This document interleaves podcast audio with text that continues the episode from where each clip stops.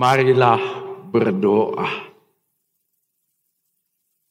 Ya Allah Bapa kami yang selalu mengasihi kami, terutama melalui penjelmaan dirimu di dalam Yesus Kristus Tuhan dan Juru Selamat kami, yang adalah juga Sang Sumber air hidup. Di dalam rasa syukur kami atas kesempatan beribadah, pada hari yang Tuhan kuduskan ini. Bahkan juga atas kehidupan yang masih Tuhan karuniakan dan percayakan kepada kami. Kami mohon perkenan Tuhan menyapa kami dengan kebenaran firman-Mu. Mencurahkan air hidup kepada kami yang adalah roh kudus-Mu sendiri yang menguasai hati dan pikiran kami bahkan seluruh ciptaan agar sepenuhnya terpusat pada kebenaran firman Tuhan. Di dalam Tuhan Yesus Kristus sumber air hidup dan juga sang firman hidup. Amin. Ibu bapak dan saudara-saudara sekalian, Kekasih Tuhan di jemaat GKP Menteng, bahkan di mana pun Anda berada dan anggota jemaat mana pun Anda. Di dalam rasa syukur kita atas kesempatan beribadah secara virtual maupun secara bersemuka, bertatap muka pada hari ini, mari kita sama-sama mengikuti pembacaan Alkitab sebagai dasar pemberitaan firman Tuhan sebagaimana tertulis dalam kitab Injil Yohanes pasal 4 ayat 5 hingga 14 yang berbunyi demikian. Maka sampailah ia, yaitu Yesus, ke sebuah kota di Samaria yang bernama Sikhar dekat tanah yang diberikan Yakub dahulu kepada anaknya Yusuf. Di situ terdapat sumur Yakub. Yesus sangat letih oleh perjalanan. Karena itu ia duduk di pinggir sumur itu. Hari kira-kira pukul 12. Maka datanglah seorang perempuan Samaria hendak menimba air. Kata Yesus kepadanya, "Berilah aku minum." Sebab murid-muridnya telah pergi ke kota membeli makanan. Maka kata perempuan Samaria itu kepadanya, Masakan engkau seorang Yahudi minta minum kepadaku seorang Samaria? Sebab orang Yahudi tidak bergaul dengan orang Samaria.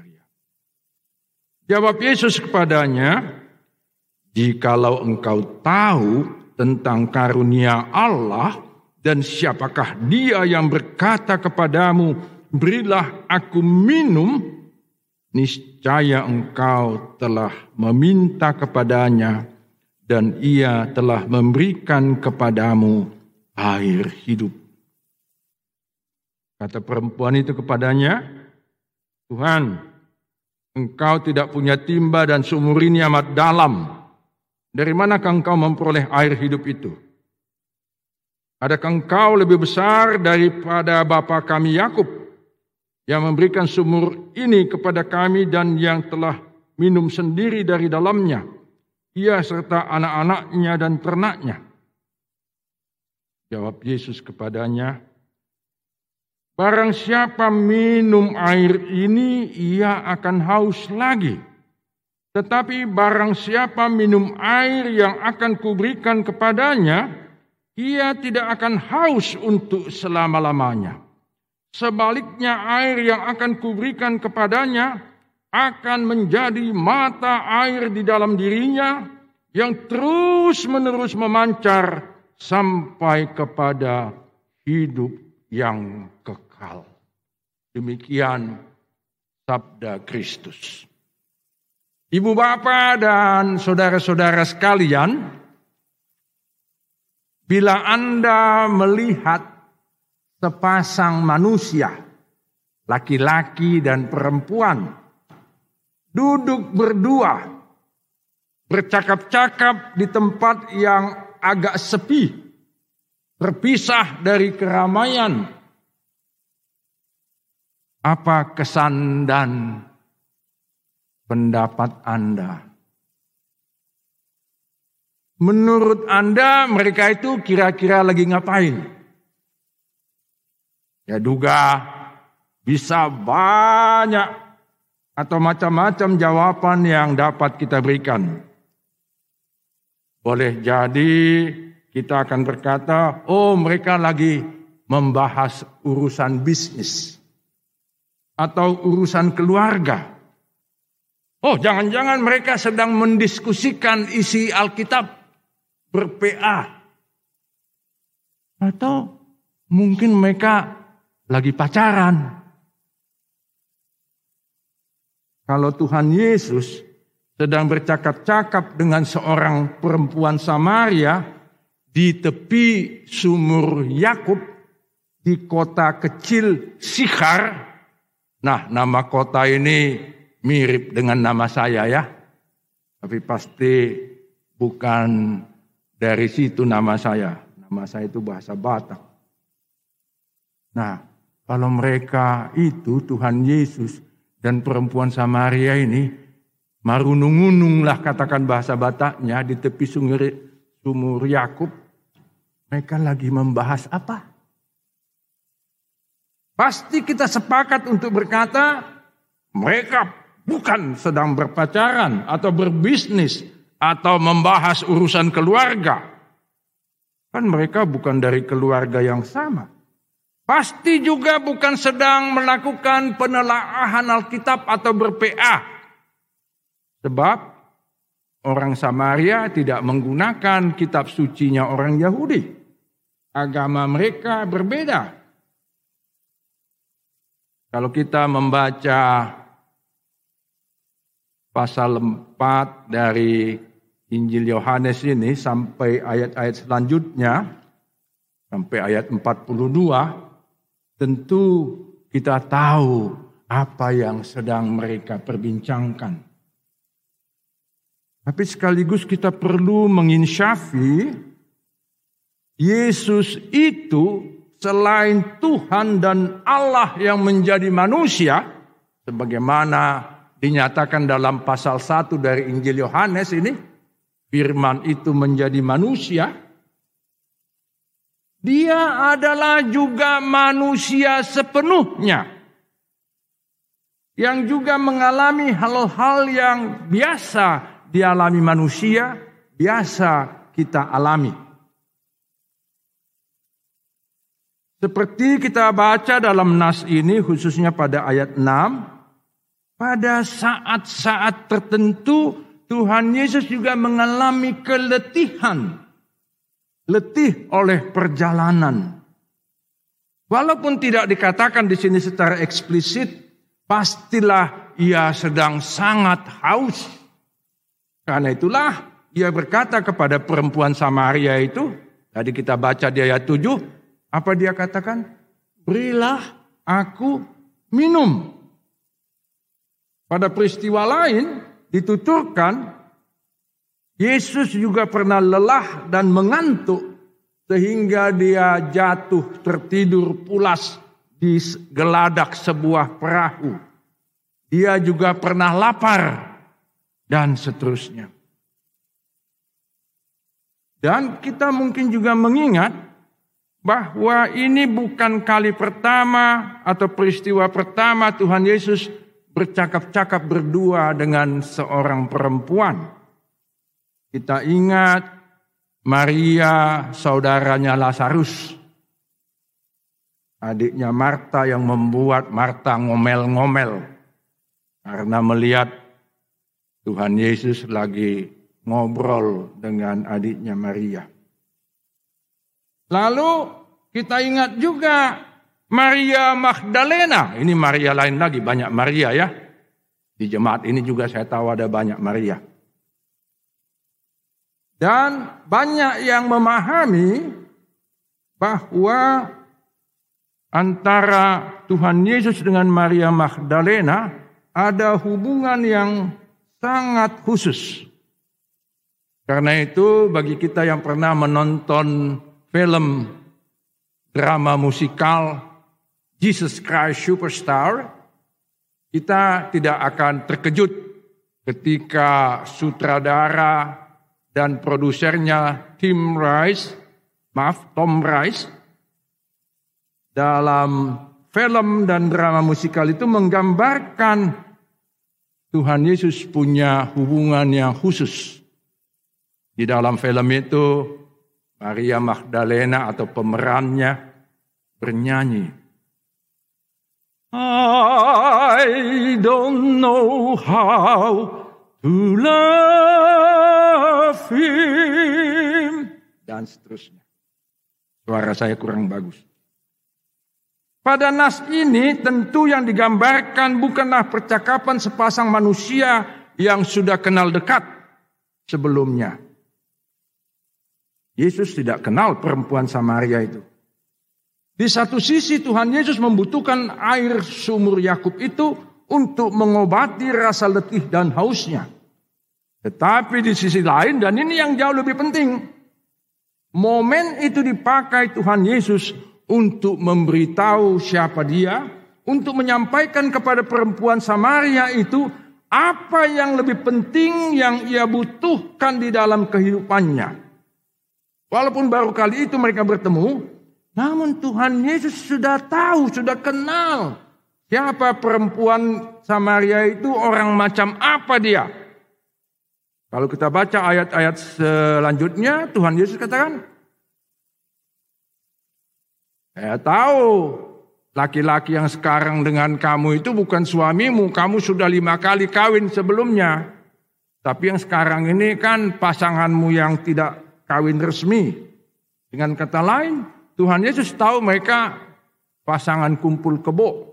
Kita baca itu pada ayat 16 sampai 18. Tapi Tuhan Yesus tidak mencela, tidak menghakimi cara hidup perempuan itu. Dan ini membuat kita juga mengingat apa yang dikatakan Tuhan Yesus pada pasal 8 ayat 12 Injil Yohanes ini. Ketika ada seorang perempuan tertangkap basah berzina. Tuhan Yesus bilang apa sama dia? Aku pun tidak menghukum engkau. Pergilah dan jangan berbuat dosa lagi. Dengan kata lain, baik kepada perempuan Samaria maupun kepada perempuan yang tertangkap basah itu Tuhan Yesus justru menyodorkan atau menawarkan bahkan menyediakan pemecahan atas masalah hidup mereka. Nah ini pelajaran yang sangat penting bagi kita. Ketika kita mendapat kesempatan bercakap-cakap dengan seseorang seandainya pun tidak kita kenal, apakah kesempatan itu kita gunakan untuk memberitakan Injil? untuk memberitakan kabar sukacita tentang kasih dan pengampunan Tuhan kepada umat manusia pun di tengah situasi yang seburuk seperti sekarang. Atau justru kita menggunakan kesempatan itu untuk berbagi cerita yang belum tentu benar, untuk ikut menyebarluaskan hoax kebohongan seperti yang sering terjadi pada masa pandemi ini. Ibu bapak, saudara-saudara tahu ya, dalam beberapa bulan bahkan beberapa tahun terakhir ini, saya dalam satu minggu dua sampai empat kali ke rumah sakit. Apakah itu bertemu dokter atau fisioterapi dan sebagainya, dan bertemu dengan banyak orang. Saya memahami ini kesempatan untuk bercakap-cakap dengan mereka yang praktis tidak saya kenal.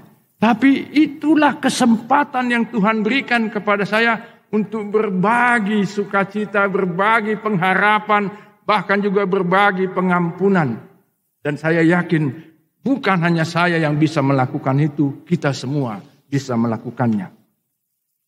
Ibu bapak dan saudara sekalian, kita tahu apa arti makna dan manfaat air. Tubuh kita ini lebih 70% terdiri dari air. Bumi kita ini juga lebih 70% terdiri dari air. Kalau kita tidak makan beberapa hari, memang kita sangat lapar dan sebagainya. Mungkin juga terganggu kesehatan. Tetapi kalau kita tidak minum beberapa jam saja, tidak mengonsumsi air, apalagi orang yang seperti saya sedang menderita diabetes, ah itu celaka. Makanya saya ke juga bawa air minum. Mungkin ada yang lebih berharga yang sedang kita nikmati sekarang termasuk di sini dan di luar yaitu udara yang mengandung oksigen. Bagaimanapun juga air tetaplah sangat penting. Tetapi apakah hanya air atau minuman secara fisikal seperti ini yang kita butuhkan? Oh, memang sekarang ini Bapak Ibu Saudara sekalian, ada berapa merek minuman di dunia ini? Mungkin jutaan ya, mulai dari yang katanya air mineral, belum tentu juga ada mineral di dalamnya, tapi disebutlah begitu ya. Sampai dengan air yang mengandung alkohol yang membuat oh, badan kita hangat. Mengandung alkohol sekian puluh persen, ada itu black label, gold label, blue label, apa label lagi. Kalau di Manado mereknya cap tikus dan sebagainya. Apa hanya itu yang kita butuhkan? Di dalam nas ini Tuhan Yesus menawarkan kepada perempuan Samaria itu air yang jauh lebih bermakna, jauh lebih bermanfaat untuk siapa pun yang meminumnya. Karena yang meminumnya tidak akan haus lagi untuk selama-lamanya. Air yang akan kuberikan kepadanya akan menjadi mata air di dalam dirinya yang terus menerus memancar sampai kepada hidup yang kekal. Ini sama dengan yang dikatakan oleh Tuhan Yesus pada pasal 7 kepada banyak orang yang waktu itu baru saja merayakan sebuah perayaan Yahudi. Di situ Tuhan Yesus berkata, pasal 7 ayat 37 38, Barang siapa haus, baiklah ia datang kepadaku dan minum. Barang siapa percaya kepadaku, dari dalam hatinya akan mengalir aliran-aliran air hidup. Lalu pada ayat 39 pada pasal 30 eh, pasal 7 itu dijelaskan yang dimaksud dengan air hidup itu oleh Tuhan Yesus adalah Roh Kudus. Kalau demikian, Apakah kita juga sudah menikmati air hidup yang ditawarkan dan disediakan Tuhan Yesus?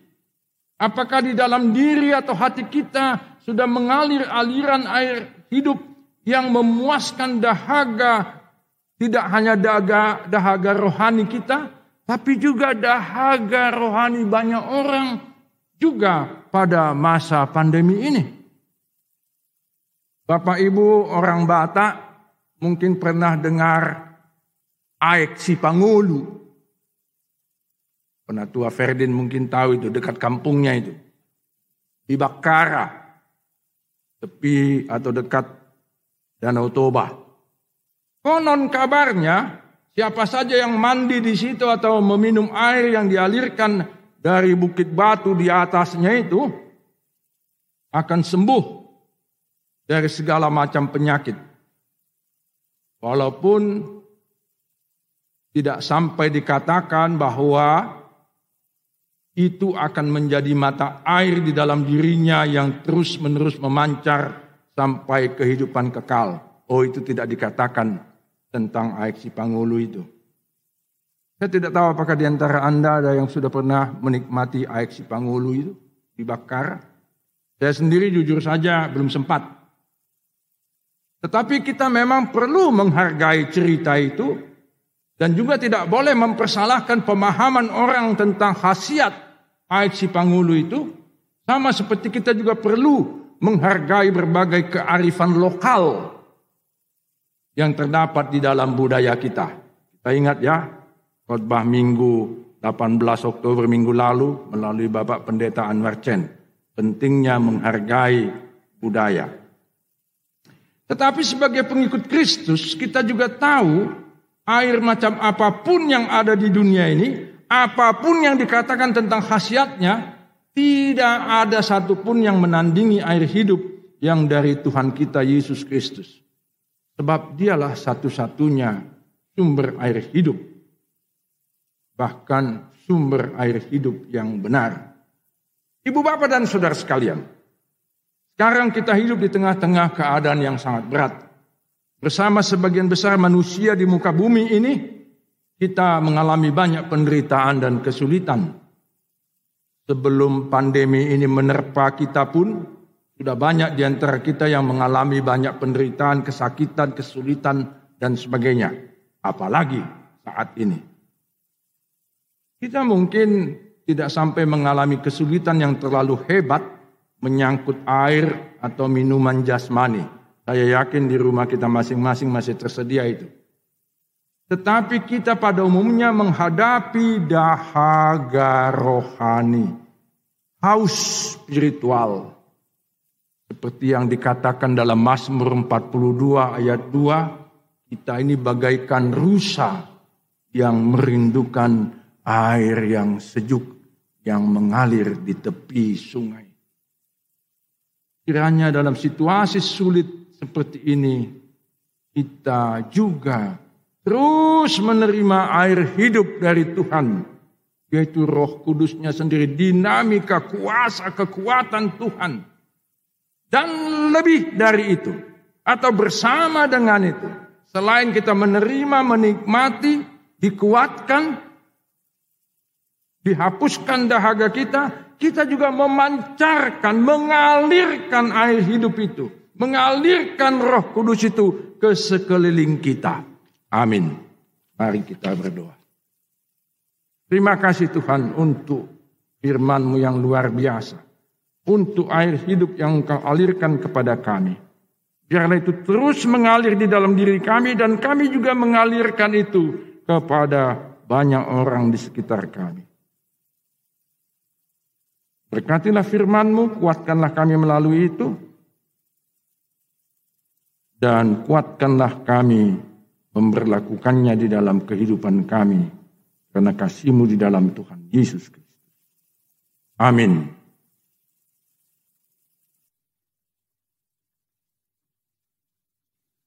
Kita sambut pemberitaan firman Tuhan dengan Kidung Jemaat 412 ayat 2 yang juga memohon kepada Tuhan agar Tuhan membukakan sumber air hidup bagi kita.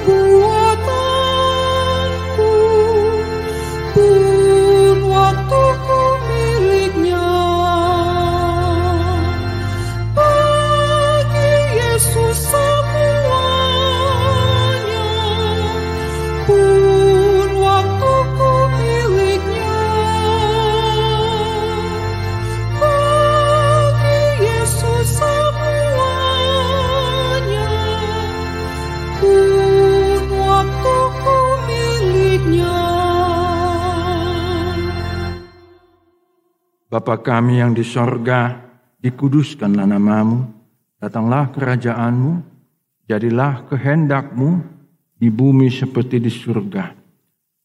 Berilah kami pada hari ini makanan kami yang secukupnya, dan ampunilah kami akan kesalahan kami, seperti kami juga mengampuni orang yang bersalah pada kami. Dan janganlah membawa kami ke dalam pencobaan, melainkan lepaskanlah kami dari yang jahat. Karena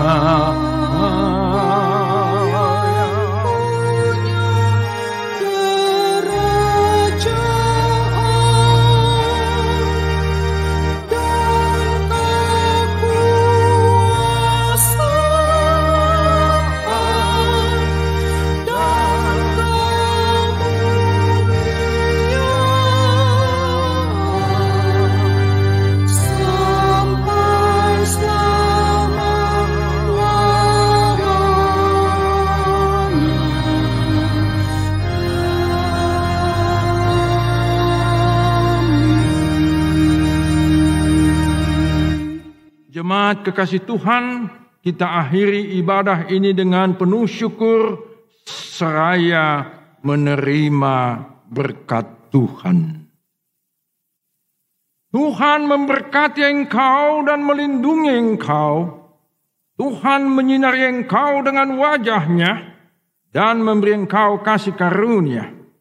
Tuhan menghadapkan wajahnya kepadamu, menganugerahi engkau damai sejahtera.